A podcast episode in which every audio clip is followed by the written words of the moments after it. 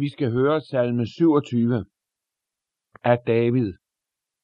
Herren er mit lys og min frelse. Hvem skal jeg frygte? Herren er værn for mit liv. For hvem skal jeg reddes? Når onde kommer imod mig for at æde mit kød, så snubler og falder de, uvenner og fjender.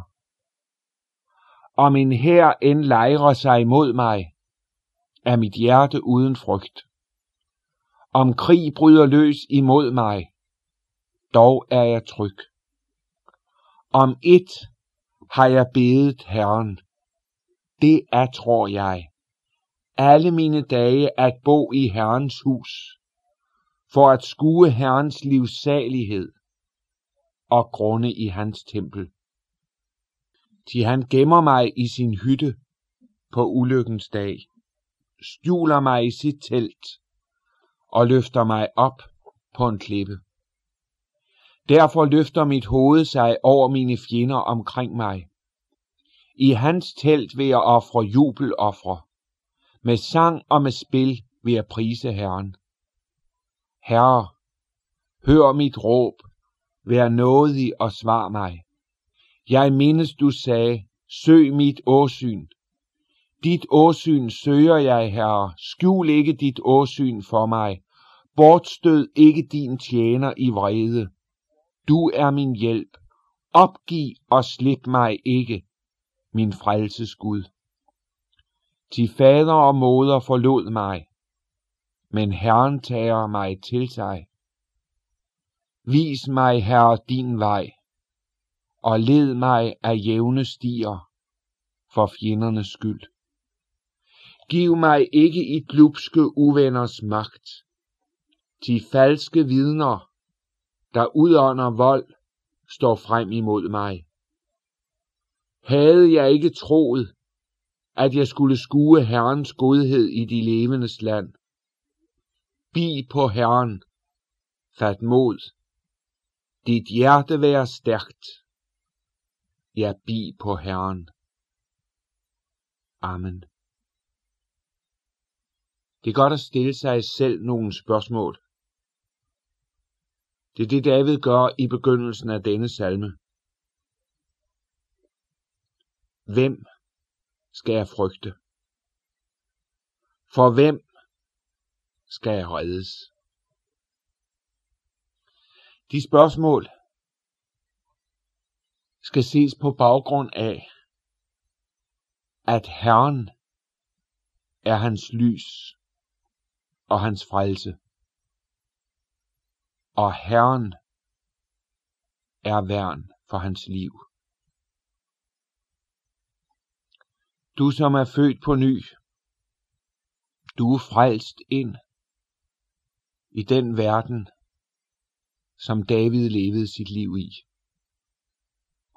Og derfor kan du stille nøjagtigt de samme spørgsmål, som han stillede.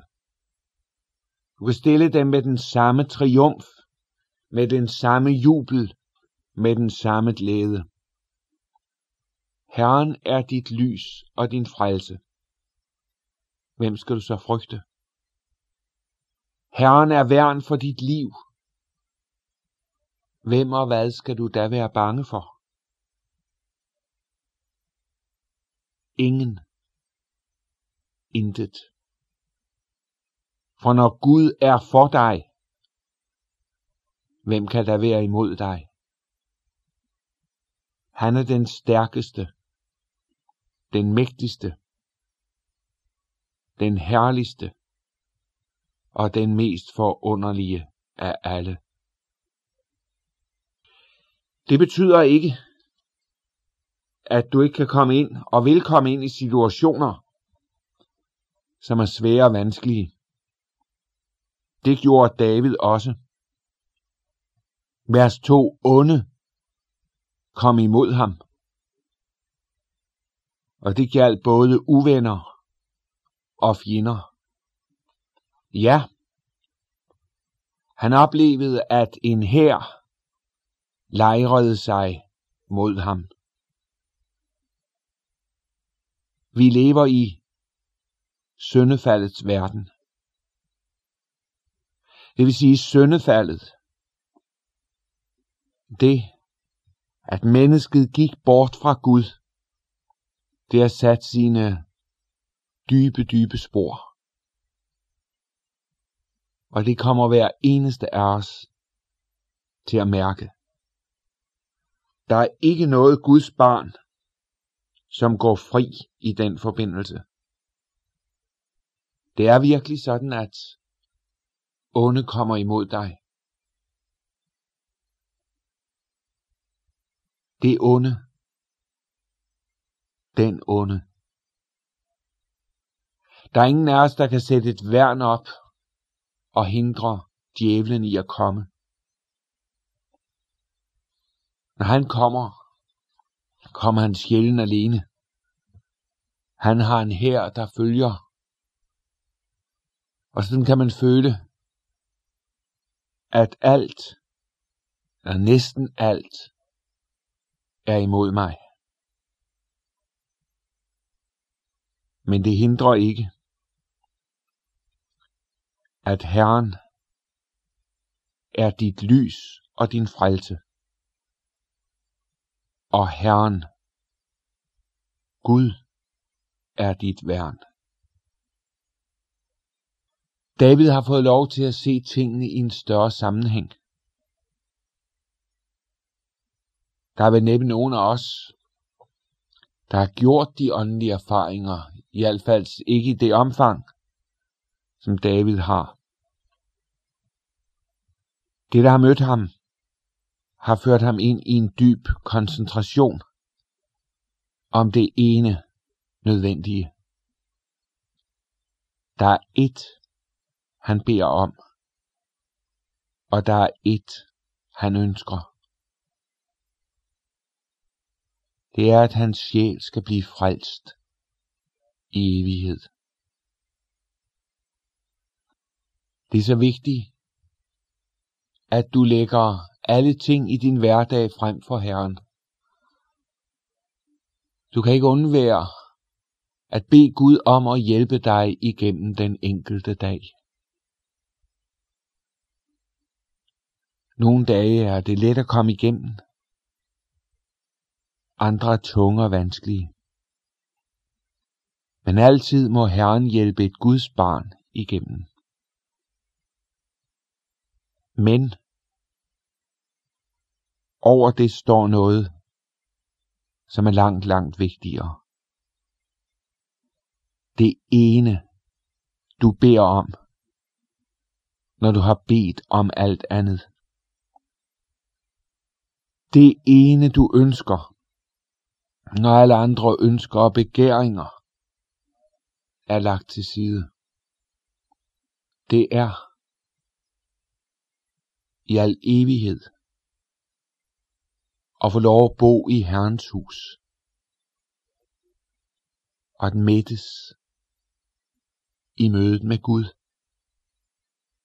At skue, hvor livsalig Gud er. Skue saligheden af liv hos ham. Og så få lov til at grunde i hans tempel.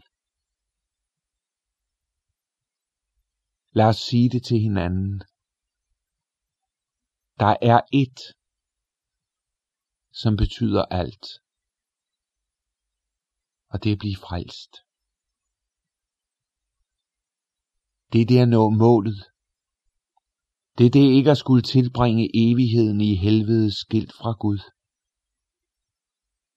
Men at skulle være sammen med ham og glæde sig for hans ansigt. Lad os sige til hinanden, frem for alt, må vi bede om det ene, at blive frelst i evighed. Og det er godt at blive frelst. Det lader Gud dig smage allerede her på jord, på samme måde som David fik lov til at smage det. Vi får en forsmag af himlen.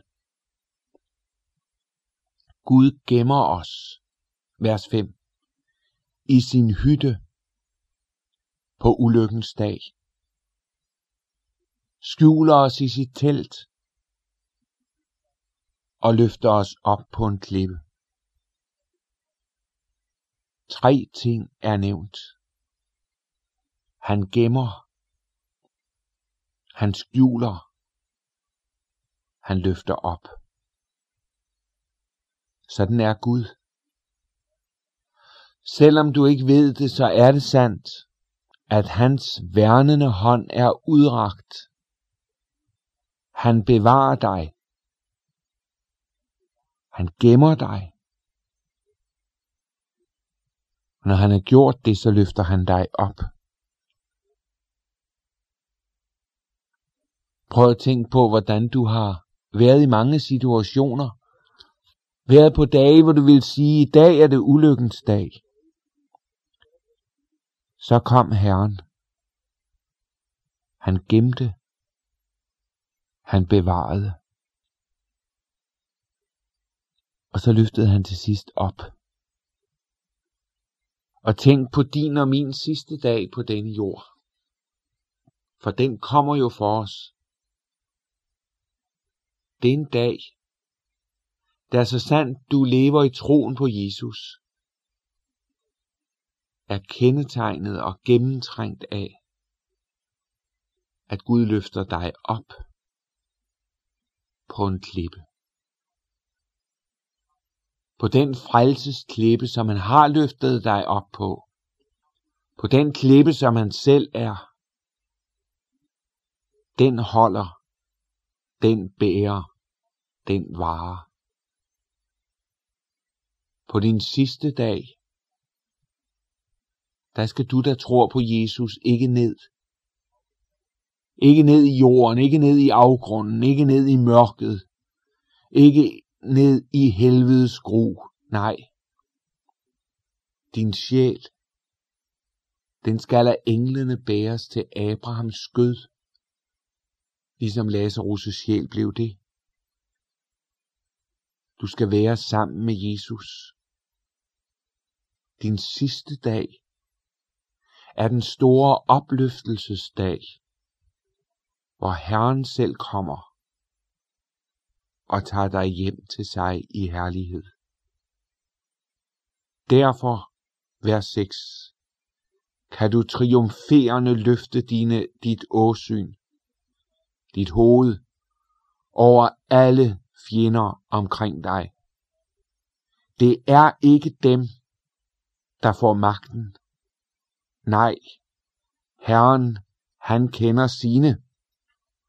Og i hans telt, i hans bolig, i hans helligdom, der skal du være med i det evige jubelkor. Du skal ofre jubeloffre.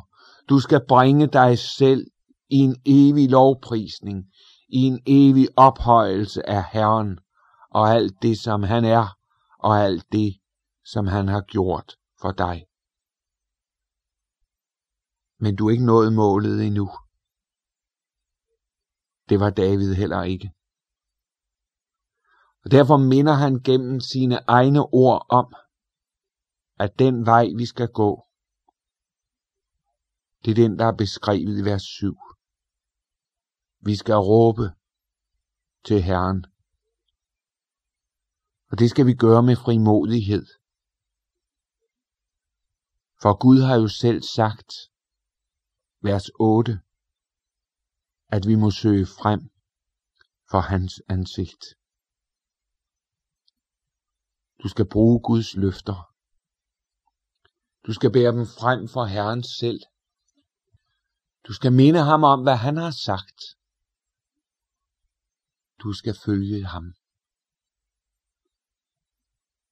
Lad ikke Guds løfter være en død kapital for dig.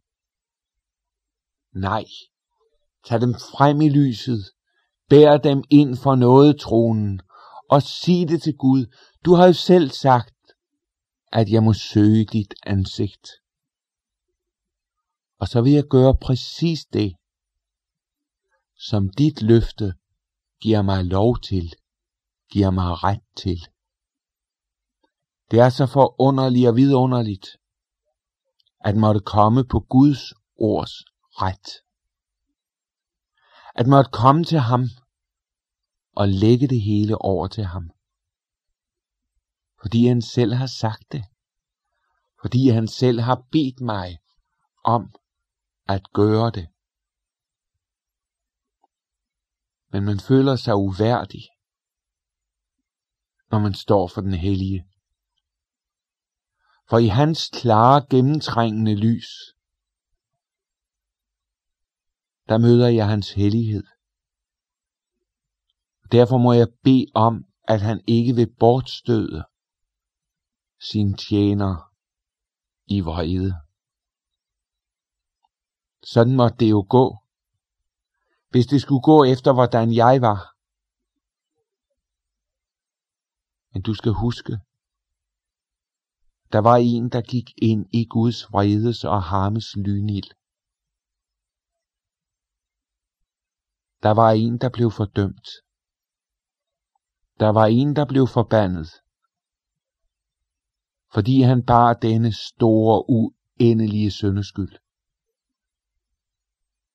Det er jo Jesus. Derfor kan du i tillid til din frelser og forsoner sige, bortstød ikke din tjener i vrede. For Guds tjener, hans egen søn, blev bortstødt i vrede på Golgata. Derfor vil Gud, at du der tager din tilflugt til Jesus og regner med ham, du skal gå fri.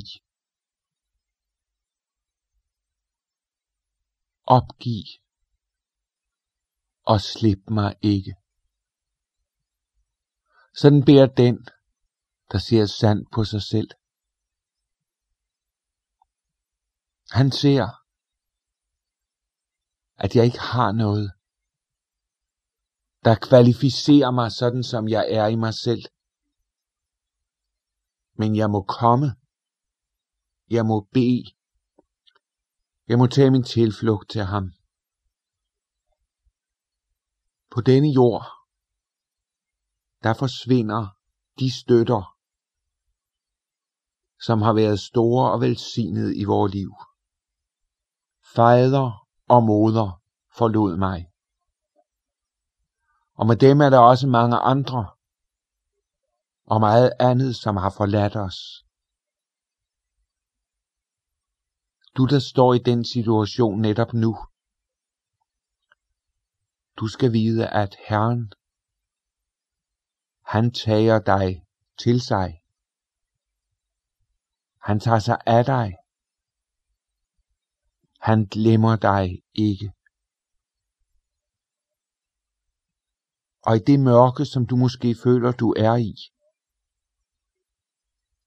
der må du sige, at Gud må vise dig sin vej og lede dig af jævne stier.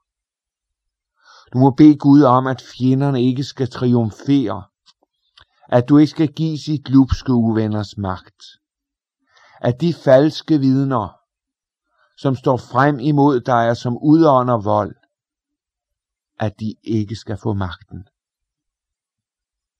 Herren vil vise dig sin vej. Det er ikke en vej, hvor du får svar på alle spørgsmål. Men det er Herrens vej. Og det er godt at gå den. For den er jævn. Hvor bakket og vanskelig og snoet den end synes at være så er det vejen til alt godt. Det er vejen til paradis. Derfor er der, som der står i vers 14, bare en eneste, du kan lide på. Og det skal du gøre. Du skal bie på Herren. Du skal vente på ham. Det er tro det er det at vente. Lad os vente. Og lad os fatte mod. Det giver Gud os ret til i sit ord. Det står evigt ved magt. Lad din skridt blive faste ved det, som Gud har sagt. Sæt din lid til Herren og bi på ham. Lad os bede vor dyrebare frelser. Vi vil takke dig for, at det er sandt, at hele vejen går han med mig. Her vi vil love dig for,